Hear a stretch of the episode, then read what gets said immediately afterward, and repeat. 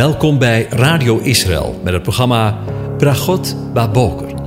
Een kort ochtendprogramma waarin een gedeelte uit de Bijbel wordt gelezen en besproken. Met Bragot Baboker wensen onze luisteraars zegeningen in de ochtend. Presentator is Kees van de Vlist.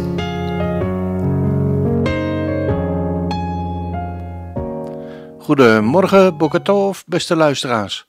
Vandaag maken we een begin met Psalm 134 en ik lees de hele psalm aan je voor. En het opschrift wat de vertalers erboven gezet hebben is aansporing om God te loven. Een pelgrimslied. Kom, letterlijk staat er, zie, loof de Heere. Alle dienaren van de aanwezigen, u die nacht aan nacht, letterlijk, in de nachten in het huis van de Heere staat. Hef uw handen op naar het heiligdom. Loof de Heere.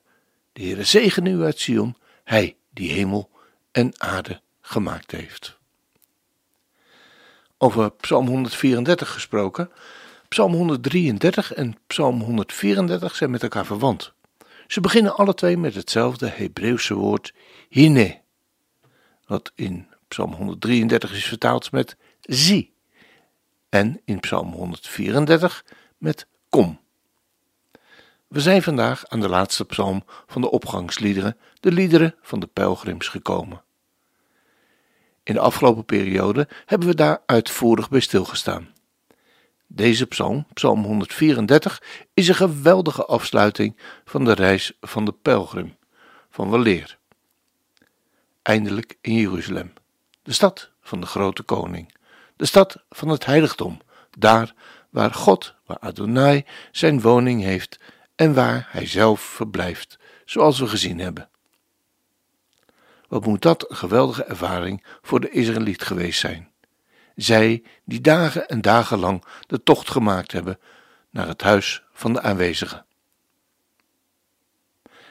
Er zijn geen gebeden en concrete aanleidingen die om lofzang vragen. Dit laatste pelgrimslied wordt gekenmerkt door een geweldige spontane lofprijzing in de versen 1 en 2 en een zegenbede in vers 3. Voor deze lofprijzing zijn natuurlijk genoeg redenen in de voorgaande psalmen genoemd. De pelgrimslieden, de Shir HaMa'alot, gaan met name over Jeruzalem en over de tempel als godsdienstig centrum. Over de bescherming en de zegen van de aanwezigen over de goede dagen van Israël in gemeenschap met de Heere. Met Jeruzalem als middelpunt, de tempelstad van God. En dat geeft al deze psalmen ook een profetische strekking, waarin we bepaald worden bij het gelovig overblijfsel van Israël, dat op wonderlijke wijze gered wordt door de Heere en in een nieuwe relatie met God komt te staan. En ook bij Jeruzalem, dat uit de macht van de vijanden verlost wordt, net als in de dagen van Iskia, zoals we kunnen lezen in 2 Koningen 19 vers 35. De laatste van deze liederen is dan ook een lofprijzing voor de grote daden van God. Psalm 134 is het laatste pelgrimslied van de serie van 15 die met Psalm 120 is begonnen. In Psalm 120 zitten de pelgrims van het tienstammenrijk in een vreemd land, in Mesech en Kedar. Psalm 120, vers 5 lezen we dat. En moet de pelgrimsreis nog beginnen.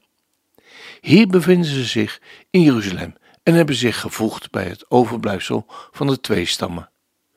Samen roepen ze alle dienaren van de Heere, de priesters en de levieten op om de Heere te loven in vers 1b. Het woord loof in de versen 1 en 2 en het woord zegenen in vers 3 is in het Hebreeuws hetzelfde woord. Het verschil is dat bij loven goede dingen worden gezegd door de mens naar God toe, terwijl dat bij het zegenen het omgekeerde is. Dat is wat we in het vrederijk kunnen verwachten. Mensen die JHWH loven en de zegen van de Heere die de mensen toegewenst wordt.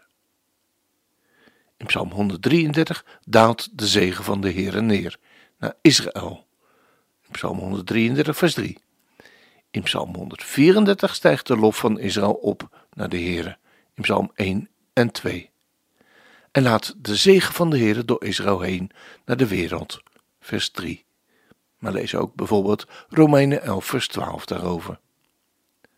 De dienaren van de Heere staan nacht aan nacht in het huis van de Heere. Nacht aan nacht is letterlijk in de nachten. De priesterdienst in de nacht is verbonden met de feesten van de Heere en dan met name voor de voorbereidingen van, zoals we lezen in Jesaja 30. Er zal een lied bij u zijn, als in de nacht, waarin men zich heiligt voor een feest, en blijdschap van hart, als bij iemand die het fluitspel voortgaat, om te komen tot de berg van de Heere, tot de rots van Israël, zoals we lezen in Jesaja 30 vers 29. In het Eerste Testament lezen we niet van tempeldiensten in de nacht. De Talmud vertelt en vermeldt dat men tijdens het Loofhuttenfeest liederen in de nacht zong.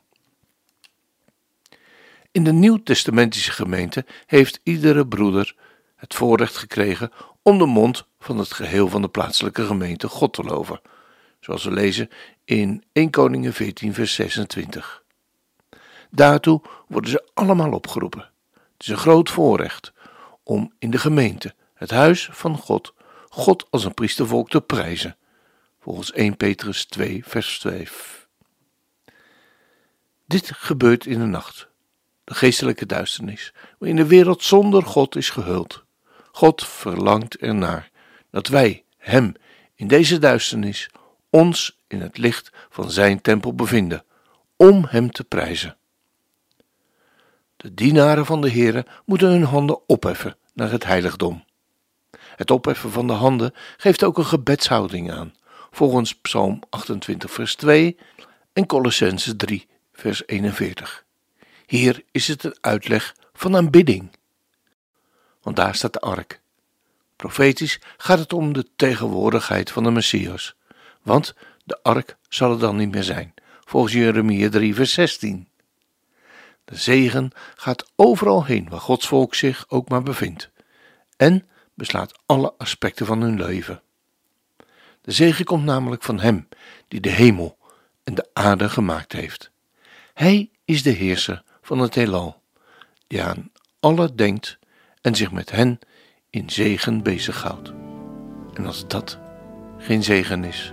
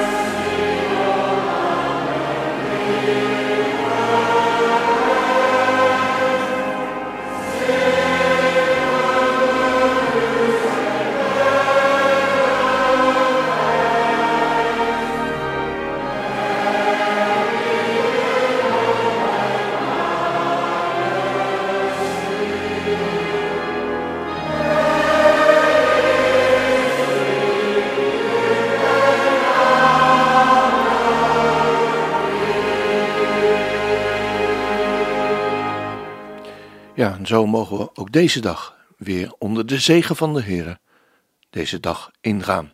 De Heer zegent en hij behoedt u. De Heere doet zijn aangezicht over u lichten en zij u genadig. De Heere verheft zijn aangezicht over u en geeft u zijn vrede, zijn shalom. Amen.